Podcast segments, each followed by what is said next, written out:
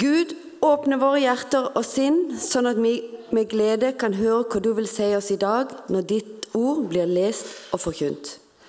Gud, vi ber. Så kan dere reise dere.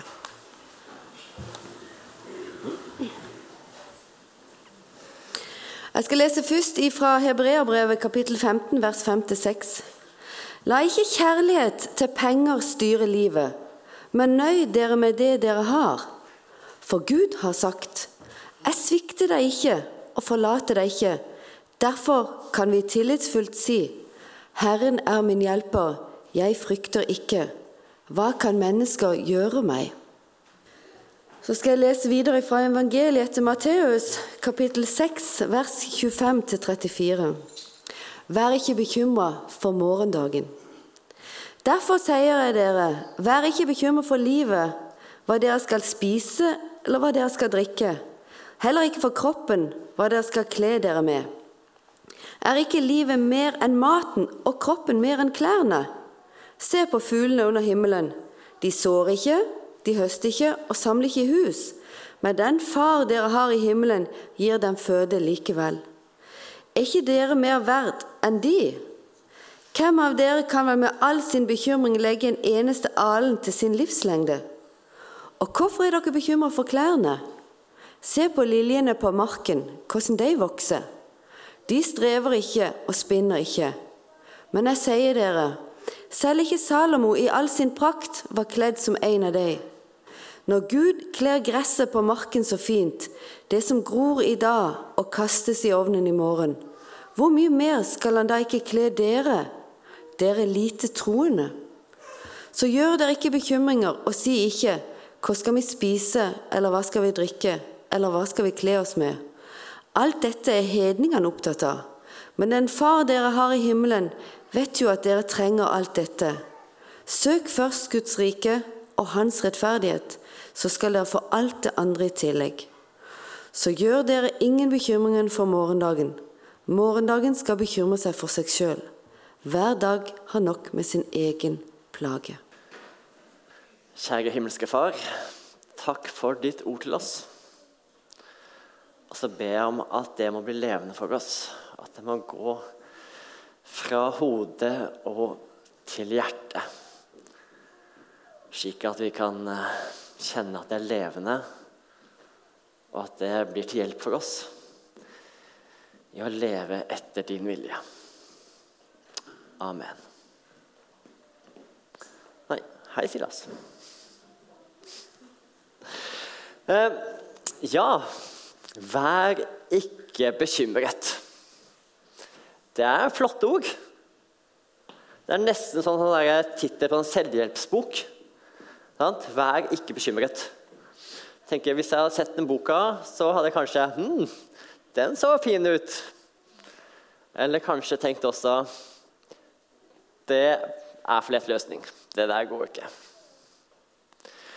Jeg leste en overskrift i en sånn psykologisk tidsskrift for noen dager siden. og Der sto det Helse og penger skaper bekymring hos noen menn. Og vi i Norge er like bekymret som folk i andre land. Og vi bekymrer oss for de samme tingene. Helse og penger.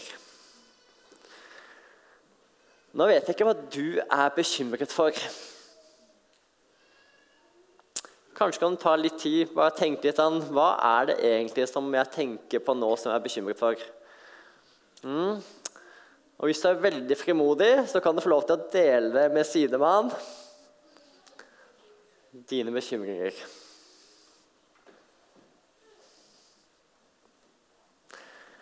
Mm. Men så er det jo det sant? Og det å dele hva vi er bekymret for, det er ikke alltid så lett heller. For bekymringer de sitter ikke bare oppe her og kverner i tankene. Men de sitter også nede her. Langt nede i vårt innerste. Og det som sitter nede her, er ikke alltid så lett å dele. Paulus han snakker i Filippe-brevet om å legge fram det vi har på hjertet. Bekymringene som vi har på hjertet. Og det vil jo si at det som vi tenker på av bekymringer som kverner opp i hodet vårt, det ligger jo ganske dypt i oss, egentlig. Og Jeg vet ikke hvordan dere har det, men jeg kan jo kjenne på hvis jeg er bekymra hjemme. Sant? Så blir man kanskje litt sånn mutt, og kanskje surner litt, går litt i egne tanker. Men så er det ikke alltid man har lyst til å dele det heller. For man tenker kanskje også at én ting man har ikke lyst til å måte, skape dårlig stemning med å dele det man er bekymret for. Og så tenker man at ah, men det hjelper jo heller ikke. Andre kan jo ikke løse det. Og så får du lov til å gå og kverne og kverne og trykke deg ned. Vær ikke bekymret. Og Så sier jo Jesus her, litt før i verset, som Einar talte hadde med for to uker siden, når han snakka om å søke Guds rike først. Der sier Jesus ingen kan tjene to herrer. Han vil hate den ene og elske den andre. Eller holde seg til den ene og forakte den andre. Dere kan ikke tjene både Gud og mammon. Og Så sier han i dagens tekst derfor sier dere, vær ikke bekymret. Og så tenkte jeg på, når jeg jobba med teksten her Hvordan i all verden skal jeg snakke ut fra dette? For veldig lett så blir det sånn quick fix. sant? Liksom bare sånn, Nei, gå hjem etter søndagen nå, og vær ikke bekymret. Gud har kontroll. Vær så god. Dette går bra. Og så vet jeg at det er ikke så lett. Det er jo ikke sånn vi måte funker. Eller så kan man tenke også, sant Nei, gå hjem. Gud fikser alt. Nå kan du bare slappe av. Du trenger ikke å gjøre noe ting lenger. Det er jo ikke det heller som blir rett. Og jeg tenker Det fins jo bekymringer som måte er gode. Sant? Så hjelper det oss å ta tak i ting. Det hjelper oss videre. Så tenker jeg å, det her er et problem. Dette må jeg fikse. Sant? Tenker Det er jo en bra bekymring. Det kan man ta med oss. Sant? Jeg tror ikke det er det Gud snakker om heller. Sant? For noen bekymringer er jo helt ok. Sant? Hvis det hjelper oss videre. Og så fins det bekymringer som vi ikke kan gjøre noe med. Som rett og slett gjør oss motløse. Og Jesus snakker også om at vi ikke kan legge til noe. Vi kan ikke legge til noe vår høyde eller livslengde. Uansett hvor mye vi bekymrer oss. Det er ikke alt vi kan gjøre noe med. Og Dere har kanskje hørt også denne bønnen, sinnsrobønnen. Gud, gi meg sinnsro til å godta de ting jeg ikke kan forandre, og mot til å forandre de ting jeg kan, og forstand til å se forskjellen. Noen ting kan vi gjøre noe med, men noen ting rår vi ikke over.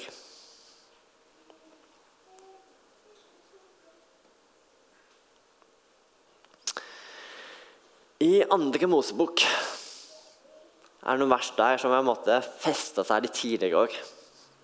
Andre Mosebok 6. Så kan vi lese om at Gud taler til Moses, slik at han får noen ord som han skal si videre til israelsfolket.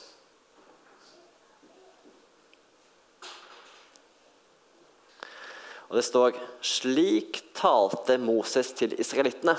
Altså, Han talte de ordene han hadde fått av Gud. Og står det, Men de hørte ikke på Moses, for de var motløse på grunn av det harde arbeidet.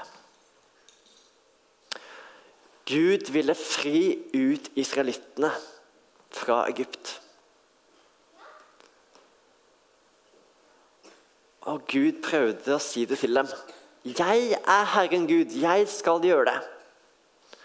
Og Så står det at de hørte ikke på, for de var motløse. Og bekymringer som vi ikke kan gjøre noe med, det gjør oss motløse.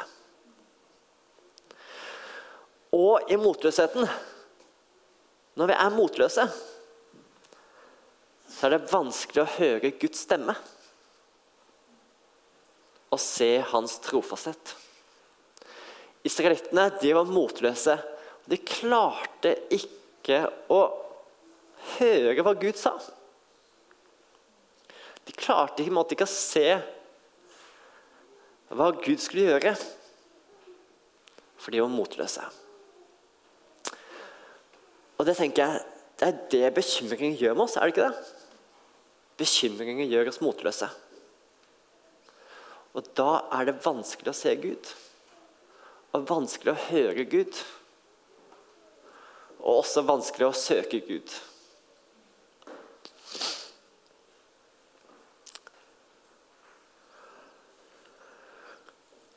For en del år siden så var jeg på, i Latvia. Kanskje en del av dere har vært i Latvia, kanskje til og med noen er derfra. Dette er en del år tilbake. Eh, men jeg var på, landsby, på, landsbygda i Latvia. Jeg husker ikke navnet på den. Det må jeg si. Det er litt flaut, men det gjør jeg ikke. Eh, og der var det mye fattigdom. Og vi fikk, Dette var en tid jeg jobba for Ungdom i oppdrag. Og vi fikk være med en lokal arbeider og besøke de fattigste familiene i bygda og var med å dele ut litt mat. Og ba sammen med de som ønska det, og fikk være med de. Og så så jeg en sånn enorm forskjell mellom de som hadde tatt imot Gud som frelser, og de som levde uten håp. De var like fattige.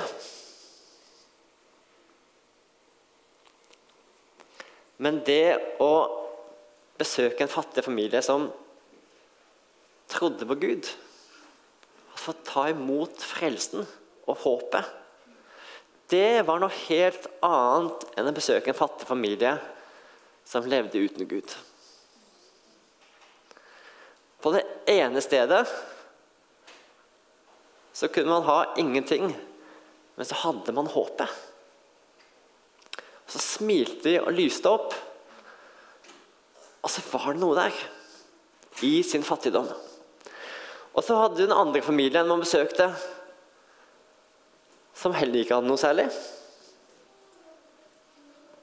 Men som på en måte lyste av depresjon og motløshet.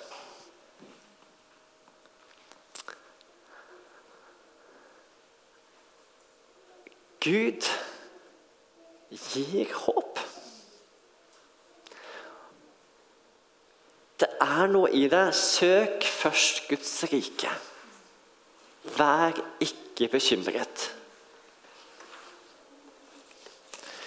Eller som Paulus sier, la dere forvandle ved at sinnet fornyes. I Romerne 12,2. Søk først Guds rike og hans rettferdighet, så skal dere få alt det andre i tillegg.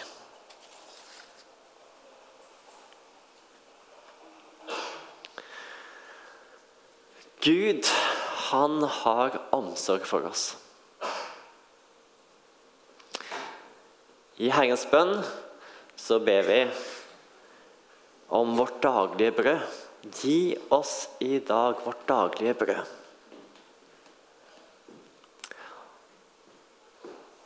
Og når disiplene spurte hvordan skal vi be, og Jesus sa det her, så var det jo for Gud vil gi oss det. Han ønsker at vi skal ha det vi trenger for å leve. sant? I de ti bud så står det at vi ikke skal begjære noe som vår neste har. Hvorfor er det ikke vi skal gjøre det? Fordi Gud vil gi oss det vi trenger.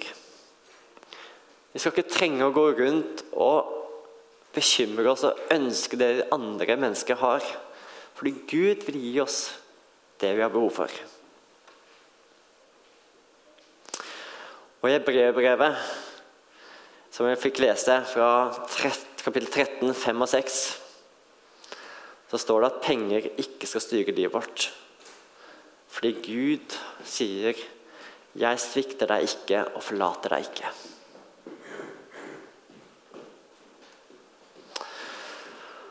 Og Paulus ber oss om å legge alt vi har på hjertet, fram for Gud. Alle våre bekymringer, slik at Guds fred kan få fylle våre hjerter. Legg alt fram for Gud slik at Guds fred kan forfylle deg.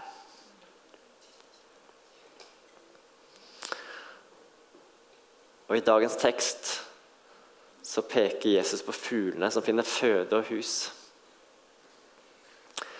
Liljene på marken som kles med vakre farger. Og gresset som dekker marken. Gud holder alt oppe.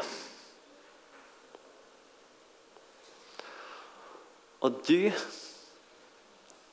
Du har mer verdi enn alt det. I Guds øyne så er du viktigere enn fuglene, enn liljene, enn gresset.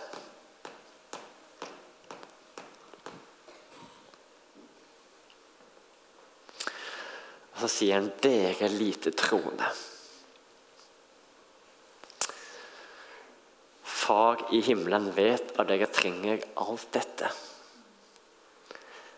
Gud vet. Gud vet at vi trenger mat, hus, klær, jobb, venner, meningsfull hverdag, helse. Gud vet alt dette.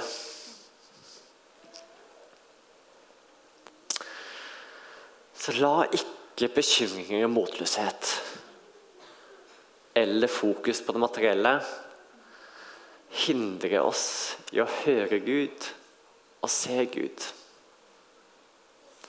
Søk først Guds rike. Det er altså noe om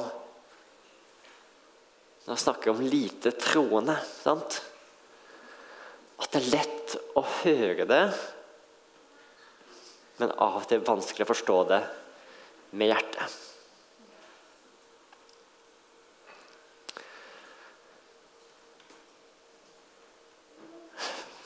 Hva fyller vi hjertet med? Er det måte hvor bekymringer som får plass der? Eller er det troen på Gud? Han som er trofast og vet hva vi trenger.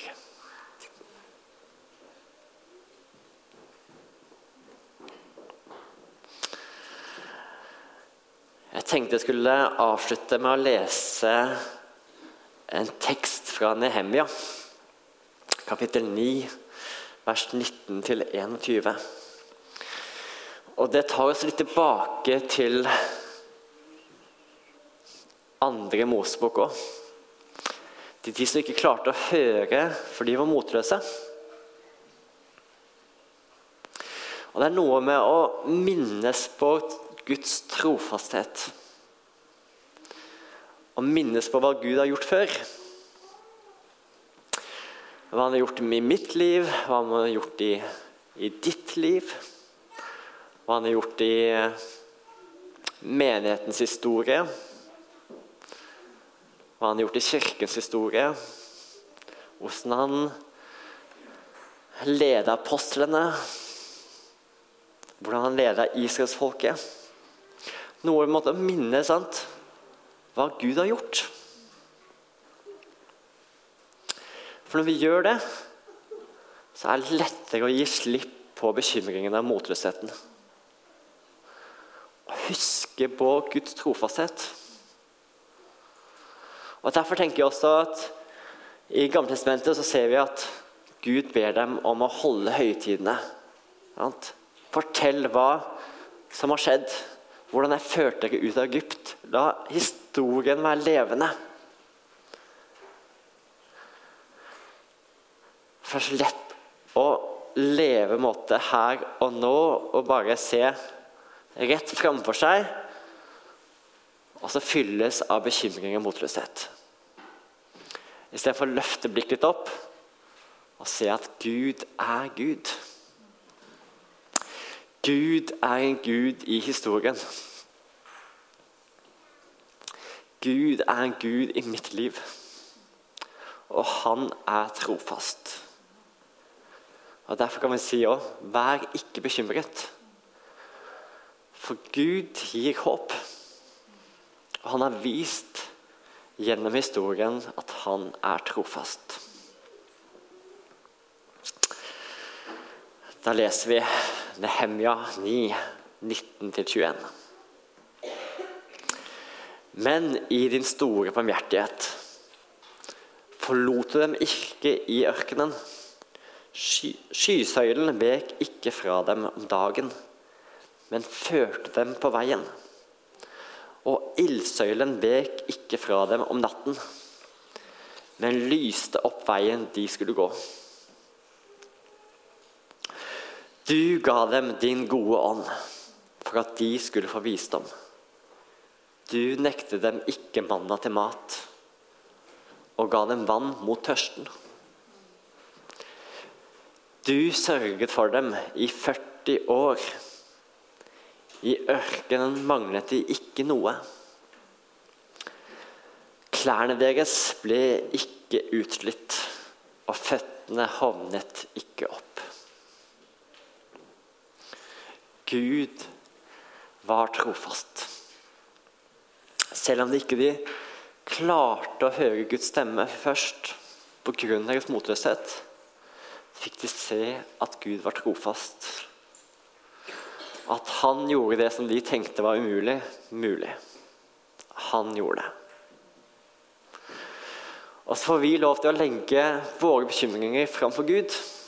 Tømme vårt hjerte. Og tenke at Gud er trofast. Han vet. Og så tenker jeg, gjør gjerne det i bønnestunden nå etterpå. Tenn gjerne et lys. Skriv ned en bønnelapp. Sitt i benken og tøm hjertet for Gud.